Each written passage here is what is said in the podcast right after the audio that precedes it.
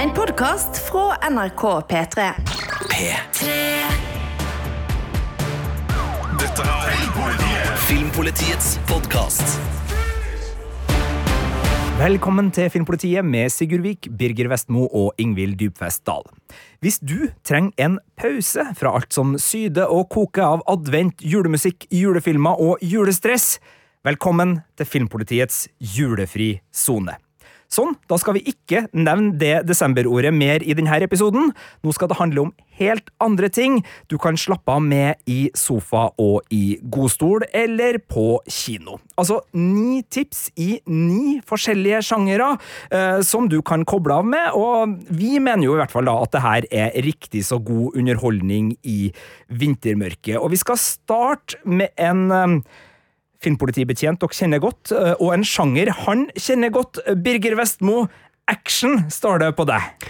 Det er helt korrekt. Nå skal jeg nok si at det her er mer et action-eventyr enn en ren skyte-slåsse-actionfilm, men eh, den er i riktig sjanger uansett, da.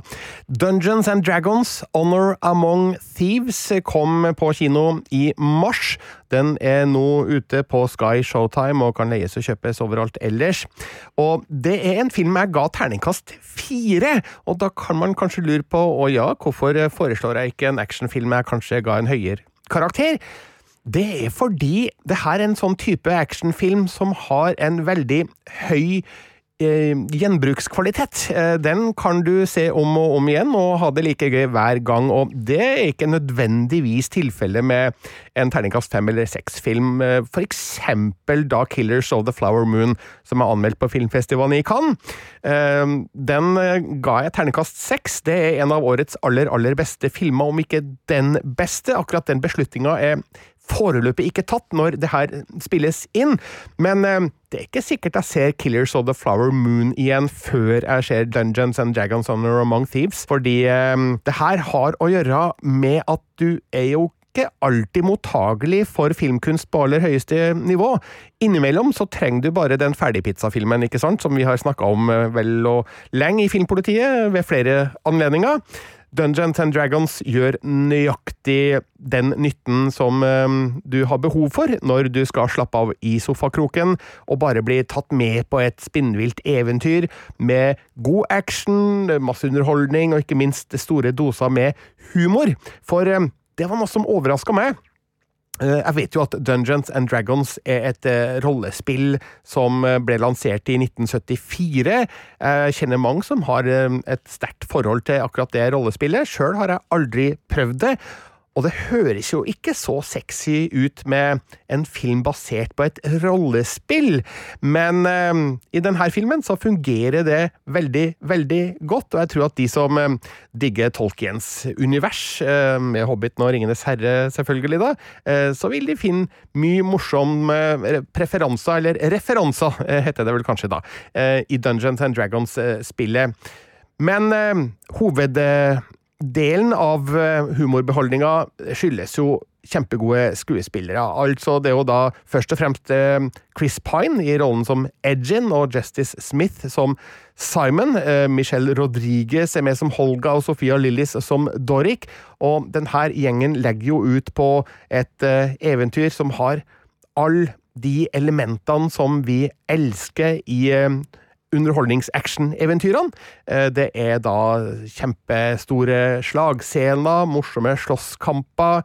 Uh, og det er rett og slett en underholdende historie om uh, trollmenn og trollkvinner, magikere, helter, skurker, og ikke minst drager, som jo vi i Filmpolitiet er veldig glade i på flere vis. Er det ingen dungeons? de er nok innom noen dungeons og Ingvild. Eh, så frykt ikke, du får både Dungeons and Dragons i filmen. Eh, jeg må også nevne Hugh Grant, som er med her. Han har jo etter hvert blitt en veldig god filmskurk. Ja, en vittig en. En vittig en, sånn som i Paddington 2. han er òg med i den nye Wonka-filmen. ikke ikke som ren skurk, kanskje, men som en uh, skikkelig ompa-lompa. Og det er tydelig at Hugh Grant storkoser seg med de her rollene som går på tvers av de forventningene man kanskje har til han, da, etter alle de romantiske komediene han har utmerka seg i på 1990- og 2000-tallet kan si at uh, jeg stiller meg bak Birgers anbefaling her. Det er også noen, uh, ja, hvis du legger litt godvilje til, noen referanser til Hobbiten-filmene og en uh, funny sidekick som dukker opp der i vel film nummer to. så da kan man se etter den, hvis man ønsker. og så er det også noen, noen veldig humoristiske fluktsekvenser som jeg satt veldig stor pris på. Da jeg, ja kjøpt meg en eh, pizza for anledninga, og så den her da den kom på strømming. For jeg var ikke på kino, sånn jeg kosa meg i sofaen med Ja, jeg må bare uh, sitere meg sjøl fra min anmeldelse, at regissørene, som heter John Francis Daly og Jonathan Goldstein, de, de har kanskje bare laga en brukbar kopi av bedre filmer, og de har jo da høy gjenbruk av gamle troper og klisjeer, men det er en festlig film som uh, bare tar seg sjøl seriøst når det er helt nødvendig, ellers gjør det den ikke. Og det gjør at eh, Dungeons and Dragons Honor Among Thieves er veldig morsom å se, også i sofakroken. Det er avkoblings-action-tips fra Birger Vestmo, eh, altså ute nå på strømmetjenesten Sky Showtime, og kan også kjøpes og leies. Vi skal dra fra action over til sjangeren feel good, Ingvild, og der er det du som har valgt ut ikke en film, men en serie, så her kan man virkelig meske seg med feel good. Hvor skal vi hen? Vi skal til This Is Us, en eh, serie over seks sesonger som begynte i 2016 og som varte helt til i fjor, 2022. Den ligger både på Amazon Prime og Disney, og hver sesong har mellom 12 eh, og 16 episoder, om jeg husker riktig, så her har dere mye Nei, 16 og 18, faktisk, så der har folk mye å dykke ned i hvis de ønsker. Og det her er en serie som jeg faktisk har kalt en digital kakaokopp i vintermørket. Eh, det er jo amerikansk, dette, da, og kan vi nevne, så det er litt som man forventer ut fra det. Men jeg begynte altså å se den serien her om igjen i går og jeg grein selvfølgelig fra første episode, akkurat som forventet. Men selv om det her er en serie som inspirerer til eh, sipping, så vil jeg si at den absolutt er feel good. Jeg vil gå så langt som å si at den skinner som en rørende stjerne på feel good-himmelen. Eh, og denne serien, da raska med seg jo én Golden Globe fra seks nominasjoner, fire Emmy-priser fra 39 nominasjoner, og det handler om familien Peterson. De består av moren, spilt av Mandy Moore, faren, spilt av Milo Ventimia, og to tvillinger, spilt av Justin Hartley og Chrissy Metz, samt en adoptert afrikansk-amerikansk bror, spilt av Sterling K. Brown, som i hvert fall raska med seg én Emmy pga. den innsatsen. De er født samme dag, og de tre barna er The Big Three. Og i alle episodene så hoppes det fram og tilbake i tid eh, for å avsløre da stadig nye hemmeligheter fra fortiden, som da har forma alle familiemedlemmene slik de er, og vi følger dem over flere tiår. Den tar også opp alvorlige temaer, altså vi er innom rasisme, spiseforstyrrelser, alkoholisme og PTSD, men så går det jo godt igjen også, da, stadig vekk. Eh, som anmelder så vil jeg si at jeg kan ha noen innvendinger mot denne serien, men som seer så elsker jeg å være med på familien Peterson skikkelige høyder og dype daler, og da anbefaler jeg også andre å slenge seg på om eh, de ikke allerede har gjort det. Det er et uh, solid serietips. Jeg har ikke sett den ferdig. Jeg tror jeg ligger på sånn cirka sesong to, men jeg husker da den kom, uh, det Emmy-styret og den begeistringa for at nå endelig igjen kommer en sånn stor, brei amerikansk drama-feelgood-serie som kan samle hele familien og virkelig eh, gi, gi, glede. Og som du sier, altså Sterling K. Brown sin, sin innsats der gjorde jo at han ble en, en enda større stjerne som, som har eh, virkelig blitt en, en, favorittskuespiller, rett og slett etter eh, både den og andre eh, innsatser. Uh, hvor sa du at vi kunne se This Is Us, hvis man ønsker å begi seg ut på det relativt langvarige langvarige eventyret? Ja, den gode nyheten, for jeg har slitt med å finne ut hvor den går, og går noen sesongen har gått et sted og noen et annet sted, men akkurat nå ligger alle seks sesongene på både Amazon Prime og på Disney pluss. Kan føye til at det er luksus, for jeg husker det var en tid hvor den serien her, tror jeg, hvis jeg husker riktig nå, mulig jeg tar feil, men jeg mener at den kun gikk lineært i Norge da den kom i 2017, var sikkert det, da. Så det var litt styr, rett og slett, å få se This Is Us, men det var da. Nå ikke noe problem eh, hvis du har de rette tjenestene. Vi skal bevege oss bortover eh, fra den eh, store dramaserien og den gode feelgooden over til jeg kalte det reality-komedie. Eh, Det er eh, Jeg trenger kanskje litt, litt hjelp her. Eh, Wikipedia bruker følgende sjangerbetegnelse reality hoax sitcom television. Jeg snakker om serien Jury Duty, som kom tidligere i år, og som er Emmy-nominert for beste komiserie i den kommende Emmy-utdelinga, som er litt utsatt pga. streik.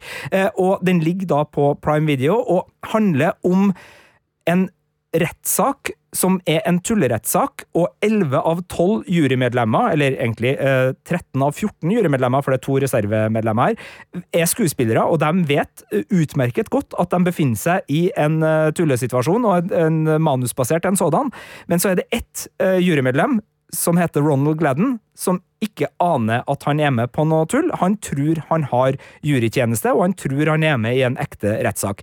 Derav, eh, det er litt reality, eh, men det er jo også eh, bare tull. Derav hoax. Det er også sitcom. Det er folk fra The Off- The Office, blant annet, som, er med og, lager det her.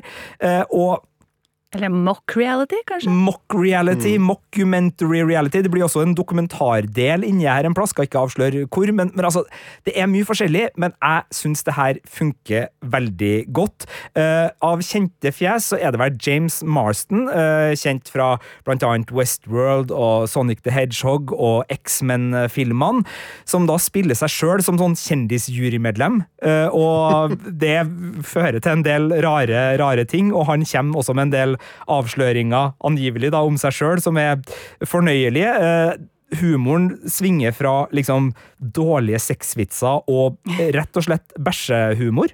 eh, Stor bæsjehumor, bokstavelig talt, eh, til litt mer sånn raffinert eh, sånn eh, cringe-humor, hvor folk gjør kleine ting, og så ser du hvordan Ronald da oppfører seg i, i møte med de her situasjonene. Det er jo også et rettsdrama her, som, som er eskalerer i, i tullathet utover i, i rettssaken, og detaljene kommer fram. De er på befaring, sånn som en jury er, for å liksom se hvordan det er. Og så er det ett jurymedlem som jeg vil lyst til å trekke fram, som er en slags sånn eh, selverklært oppfinner som driver og jobber med hvordan på en måte kroppsfunksjoner kan forsterkes og forbedres eh, gjennom teknologi. Det inkluderer både liksom sånn plagg som har innebygd eh, drikkeflaske, så han bare liksom kan sippe av sin egen vest. eh, Noe som er litt sånn snedig og rart. Eh, han har også ei ekstra tann for å tygge bedre. Eh, og eh, han har eh, den fantastiske oppfinnelsen eh, pants chair, altså en eh, bukse som også kan brukes som stol. Eh, ja, eh, det er flåsete tider, eh, og det er rart at Ronald ikke tar lunta før, men han sitter jo av og til og sier bare det her er jo nesten som reality-TV, og det er det jo. Ja, for jeg har tenkt mye på at de må ha tatt en kjempesjanse da de lagde den. For premisset må jo være at han ikke aner noen ting, og da må de jo ha venta helt til slutten med å spørre hei, nå har vi filma deg Ja, han vet jo han blir filma, men han vet jo ikke premissene. Eh, Og liksom regner med at han godkjenner det. Ja, eh, for det her er jo laga da eh, som en dokumentar, så Ronald tror han er med på en dokumentar om det amerikanske rettsvesenet, så han blir jo filma en del, men så har de jo også masse skjulte kamera, og de har jo bygd hele kulissesettet sånn at de skal få uh, fanga opp en del situasjoner som han da tror ikke nødvendigvis blir filma.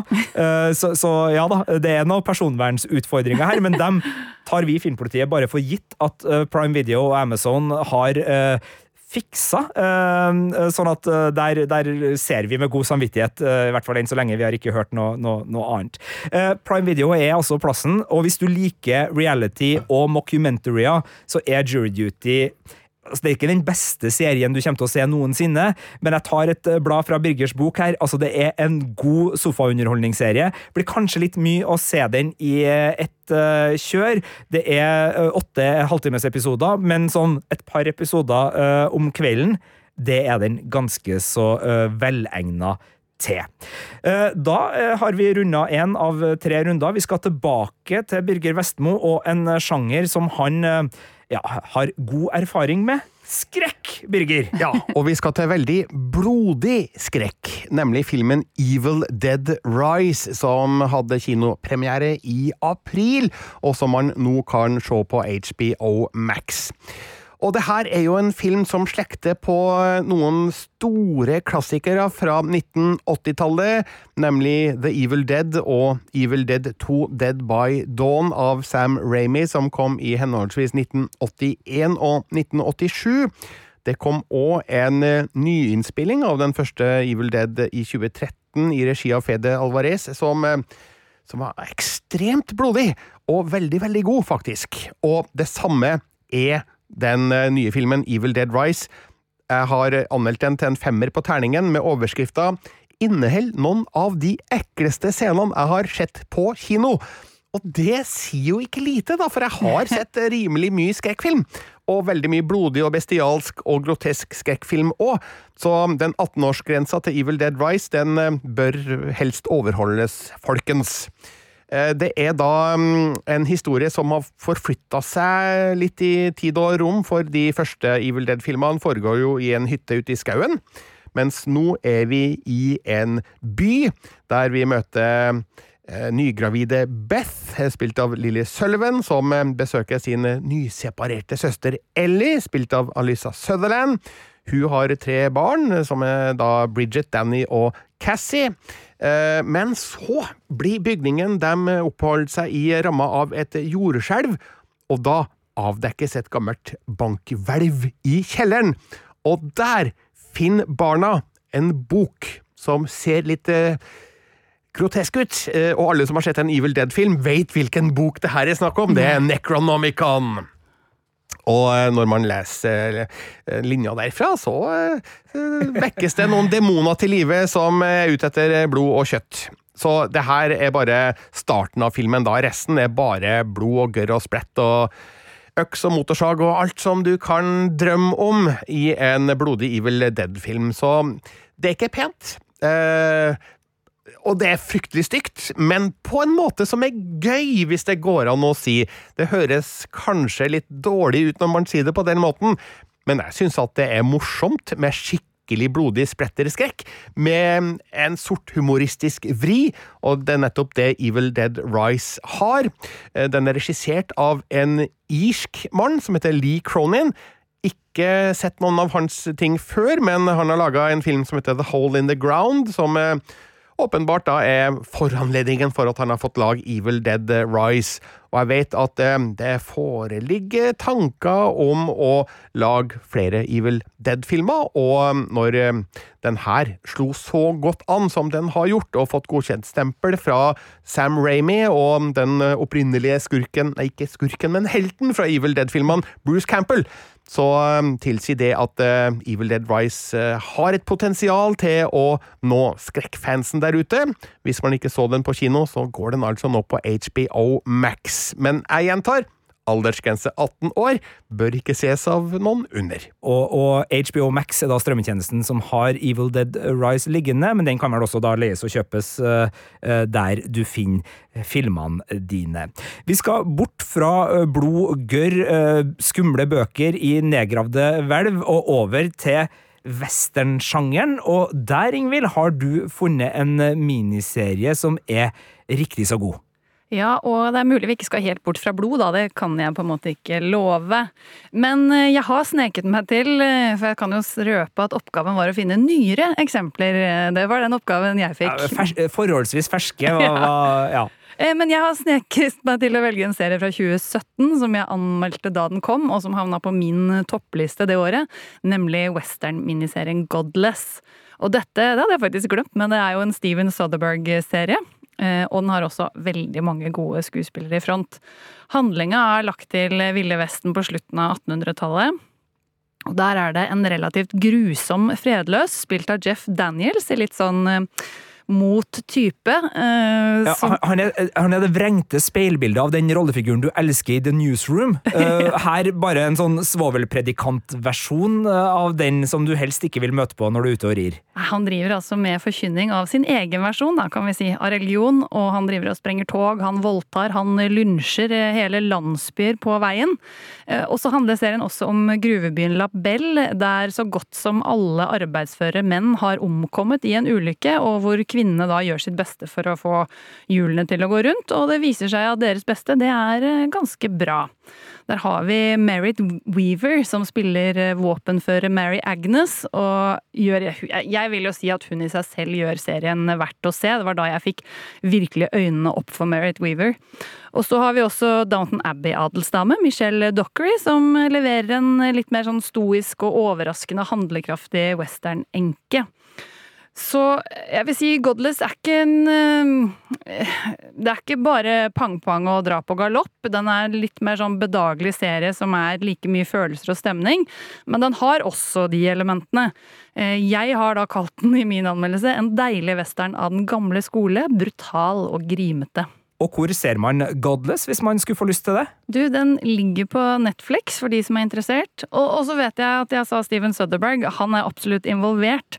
Eh, men det må jo nevnes at det er Scott Frank som er eh, serieskaper og regissør her. Og han sto jo også bak eh, Minority Report, blant annet, og ikke minst TV-serien The Queen's Gambit. Bonustips, uh, The Queen's Gambit i hvert fall, uh, også på Netflix, så den kan eventuelt ses etter du har sett uh, Godless.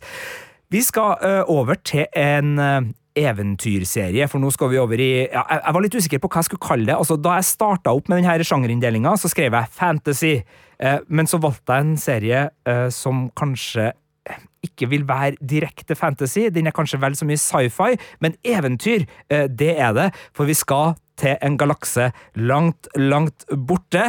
Vi skal til Star Wars, og vi skal til serien Asoka, som gikk i år. som ikke nødvendigvis var det aller, aller beste Star Wars har gitt oss i det siste, men den aktiviserte eventyrgleden for Star Wars-universet øh, for meg, med både en ny øh, superskurk og en øh, ny del av Hva skal man kalle det? Uh, law, altså uh, ikke folk-lawen, men stjernelawen, uh, som, som, Star Wars er tufta på. Uh, Dette er jo en serie som ligger på Disney Pluss, og som da følger Asoka Tano, som er en tidligere jedi-lærling. Hun var da padawan for selveste Darth Vader før han ble Darth Vader, nemlig Anakin Skywalker far til Luke Skywalker. Der sa jeg det, Birger. Der, der spoila jeg hele uh, første du to filmene. Du gjorde det! Ah, ok, uh, Så Anakin Skywalker uh, er da faren til Luke og læreren til Asoka, som er hovedpersonen her. handlinga er en spin-off fra The Mandalorian-universet og foregår da i samme tidsperiode som The Mandalorian, det vil si cirka litt sånn etter uh, The Return of the Jedi i, i filmhandlinga. Uh, og um, det er også en serie som følger opp uh, en animert serie som heter Rebels, som også ligger på Disney Pluss. Hvis du syns det her var litt mye, så er det her uh, forståelig, men, men, hvis du er inne i Star Wars-universet, så er det her uh, veldig en, en, veldig god del av Star Wars-universet å være inne i. og det skal ikke så mye til å, å, sette seg inn i det. Det som gjør uh, Asoka til en uh, veldig god utvidelse av det her universet, er at den tar tak både i en rollefigur som er utrolig kul. Altså, Asoka Tano er, uh, har to uh, lysverd. Hun er utrolig dyktig til å slåss, og hun har også en historieark som er veldig interessant, med hvordan hun på en måte forholder seg til jedi-læren og, og de på en måte begrepene rundt ære og plikt eh, som, som, som følger dem. Uh, hun har hatt et komplisert forhold, mye på grunn av uh, det bruddet som skjedde med sin læremester, og har siden levd en litt mer sånn nomadisk tilværelse i Star Wars-universet. hun blir her ført inn i en konflikt som kan lede opp mot en stor, stor Star Wars-skurk som man trodde var borte. For i Rebels så blir man kjent med en general som heter Thrawn, uh, som her spilles av Lars Mikkelsen. Uh, han er en Grand Admiral med et uh, sånn strategisk sinn som er skummelt for alle som uh, tilhører den gode, gode, siden. Og det er han og, og, muligheten for at han skulle komme tilbake til makt, som er liksom konflikten i Asoka. Det er en konflikt jeg syns spenner opp veldig mye interessant for videre Star Wars-serie, og det var derfor jeg ville slå et slag for Asoka. Den fikk terningkast fire av Birger da den kom. Det var en god eh, serieanbefaling fra deg, Vestmo. Ja, men det var basert bare på de to første episodene, så um, det var et eh, bra anslag, og jeg ble nysgjerrig og interessert. Men for meg som ikke har sett alt av Clone Wars og ingenting av Rebels, så var Asoka Tano-figuren litt mer jeg skal ikke si helt anonym, men ikke den helt umiddelbare store stjerna heller. Men etter at um, jeg så hele serien, så uh, har jeg jo um, virkelig fått et mye mer positivt inntrykk av um, Asoka. Uh, det her er en serie som vi godt kan få en sesong til av, uh, hvis det ikke blir en film i stedet, da, for å binde opp alt det som har skjedd i ulike serier her. Ja, det, Men- det er muligheter for at både Mandalorian og Asoka kanskje bygger opp mot litt film her, uten at vi vet det med sikkerhet. Da. Men jeg har i hvert fall et langt mer positivt inntrykk av um, Asoka sesong én etter å ha sett alt, enn jeg hadde etter de to første episodene. Ja, jeg er jo enig i det. Samtidig så syns jeg ikke serien var øh, helt øh, god hele tida. Det var elementer her som ikke svingte så godt, men både i øh, de nye planetene og plassene vi fikk besøk i Star Wars-universet, og i de rollefigurene som nå fikk ta steget da, fra animasjon og over i live action, øh, så ble det her øh, I hvert fall, ja, jeg, kan slenge inn, da, sammen med Picard sesong tre, så ble det her den store eventyrseriegodbiten for meg i, i 2023, så er det sagt. Eh, Det her var selvfølgelig bare skravling hvis du ikke liker Star Wars. Beklager det, det var noen minutter du aldri får tilbake. Eh, Men hvis du er eh, enten eh, trofast seer, så har du sannsynligvis sett det allerede, eller litt på gjerdet når det gjelder Asoka.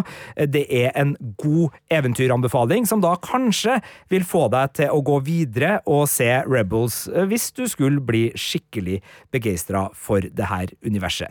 Fra stjernekrig eh, til, ja, kan vel si faktisk krig, for det er historisk drama vi skal til nå, og en person som er ganske kjent for strid, Birger.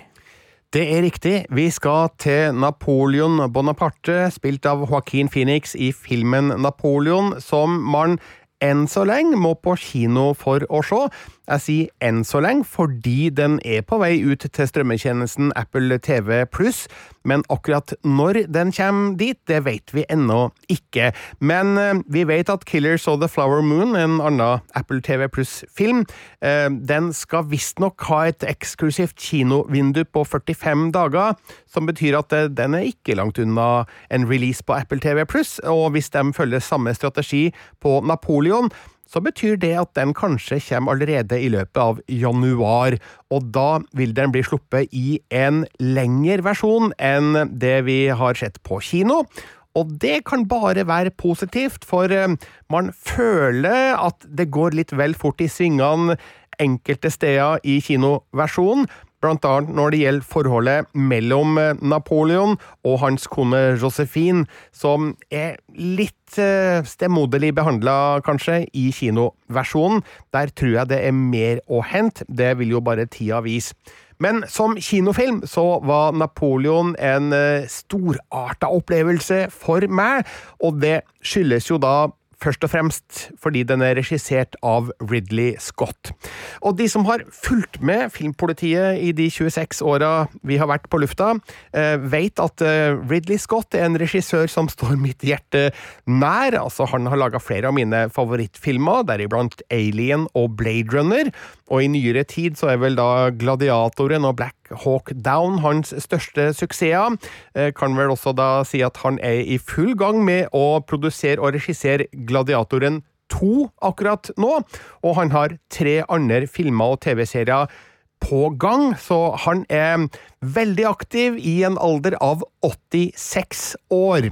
Så det står respekt av arbeidskapasiteten til Ridley Scott, og eh, heller ikke i Napoleon har han ligget på latsida, for eh, det her er virkelig storslagen eh, filmskaping på absolutt øverste nivå, mener jeg, da.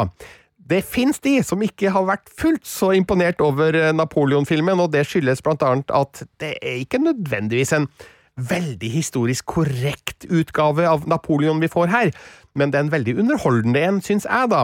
Vi ser jo da hvordan eh, Napoleon eh, slår seg opp eh, fra å være offiser til å bli general, og til, han ender jo da opp som keiser.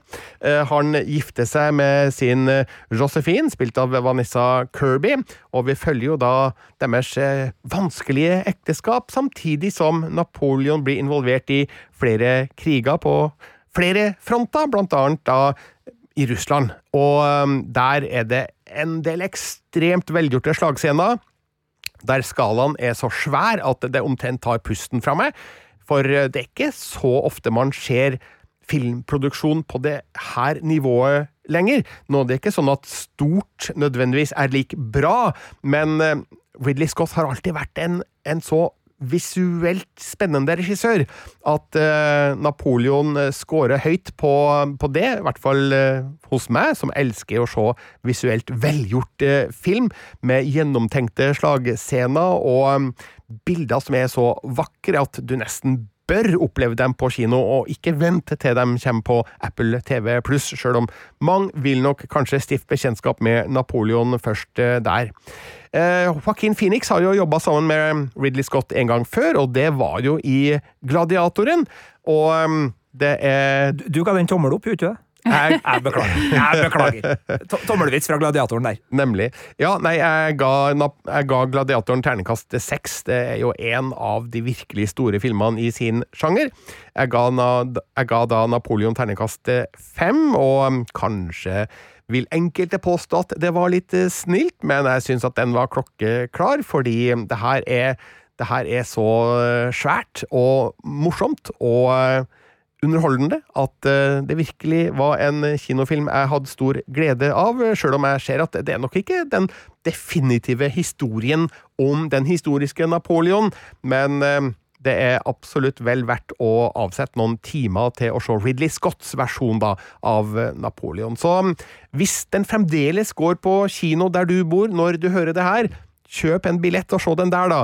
Og så er det Apple TV Pluss som eh, kommer eh, med en litt utvida versjon. Eh, ja, faktisk en, en sterkt utvida versjon, da, om noen ukers tid.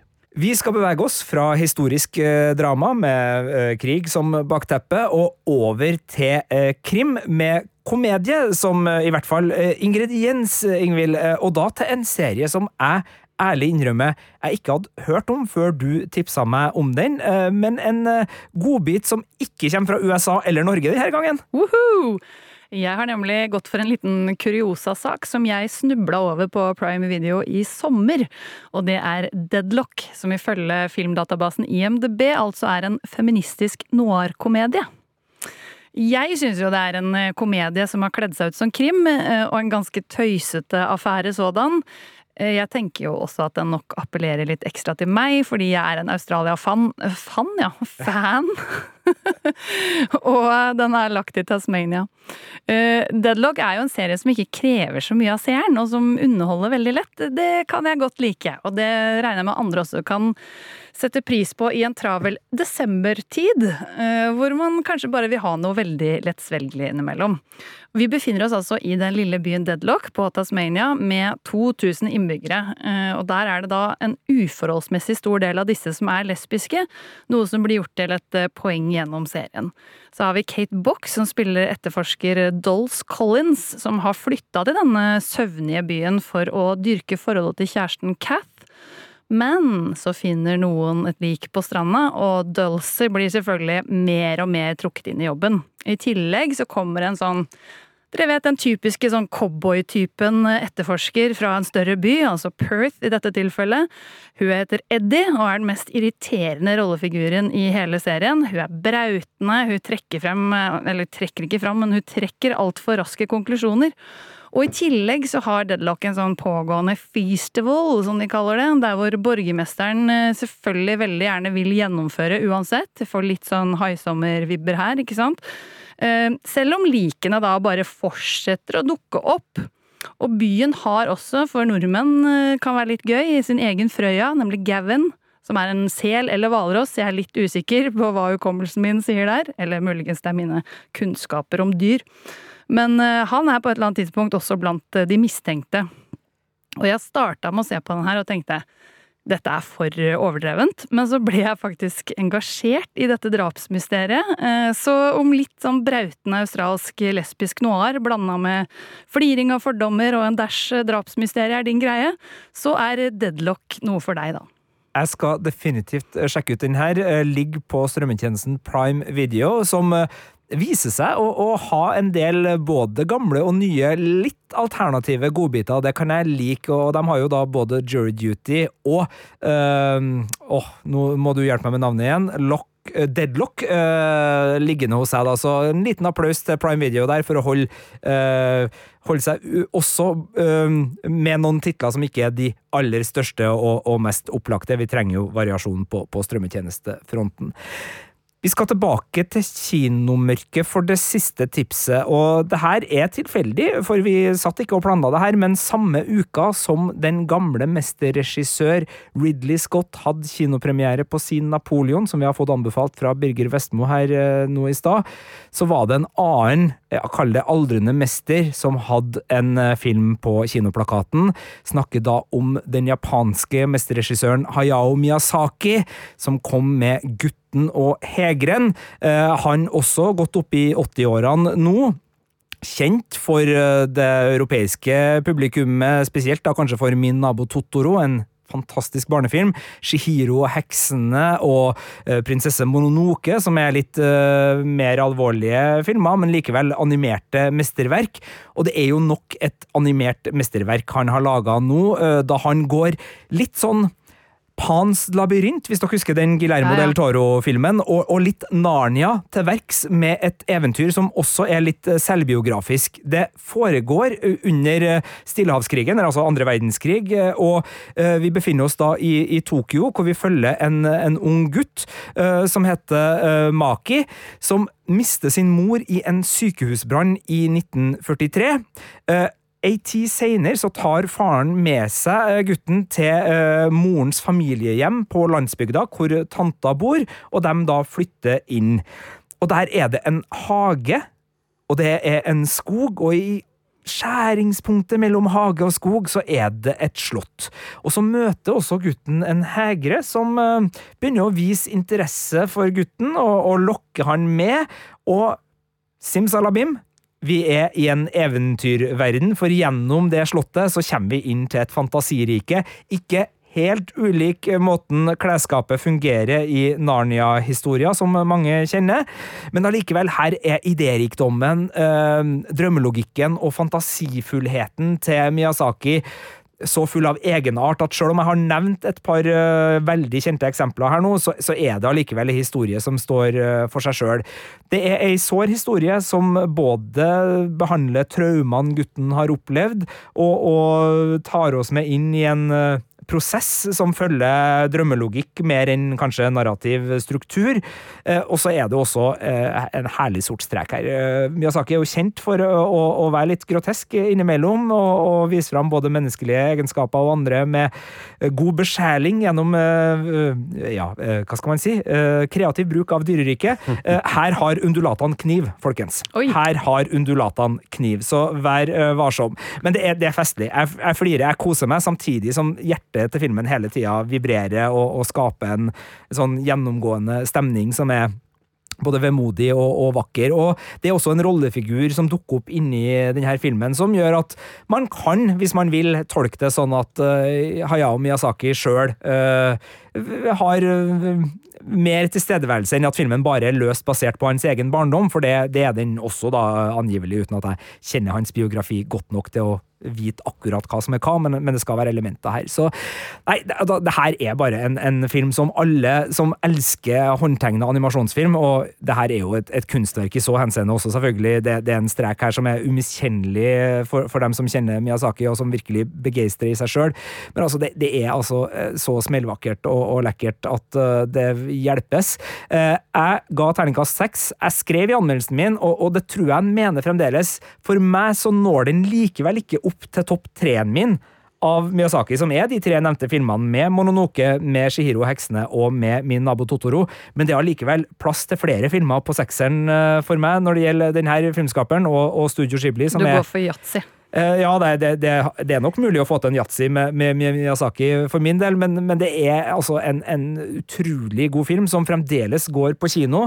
Eh, den gjør det også ganske godt på kino i USA, nå ser jeg hvor den dubba versjonen er. Eh, på norsk kino så er det originalversjonen som er å få sett, og, og det gjør jo kanskje at for småbarnsfamilier så blir det her litt vanskelig med tanke på det å følge med på teksting og sånne ting. Og det er kanskje også en film som ligger litt over. Jeg lurer på om det var en niårsgrense. Den fikk eh, av Medietilsynet på, på norske kinoer, så det er jo med å, å si at det her kanskje ikke er for de aller yngste, som elsker Totoro, men som kanskje da skal vente noen år med, med å se Gutten og hegren. Men uh, for dere som enten bare er fans fra før, eller som har lyst til å oppleve en tegnefilm av den gode, gamle, vakre, storslåtte sorten, uh, som ligger noen uh, kvartal bortenfor de klassiske Disney-strekene, så er det her virkelig en anbefaling. Det var det vi hadde i denne episoden. Det var ni tips i ni ulike sjangere, som kan sees enten på skjerm eller kino nå i desember. Og hvis du vil ha mer eh, sesongrelevante tips, så har vi også to ferske episoder med eh, stemningsunderholdning ute i appen NRK Radio. Tusen takk for oss. En podkast fra NRK. Hei, jeg heter Ingrid Waaler. Synes du Love Island er mer interessant enn Premier League? Ingen kommentar. Da er trash noe for deg. I'd like to know what's going on between Carly Kloss and Taylor Swift. Hver uke inviterer jeg deg og en gjest til å menge oss i all den deilige søplete popkulturen som finnes der ute. Hør Trash i appen NRK Radio.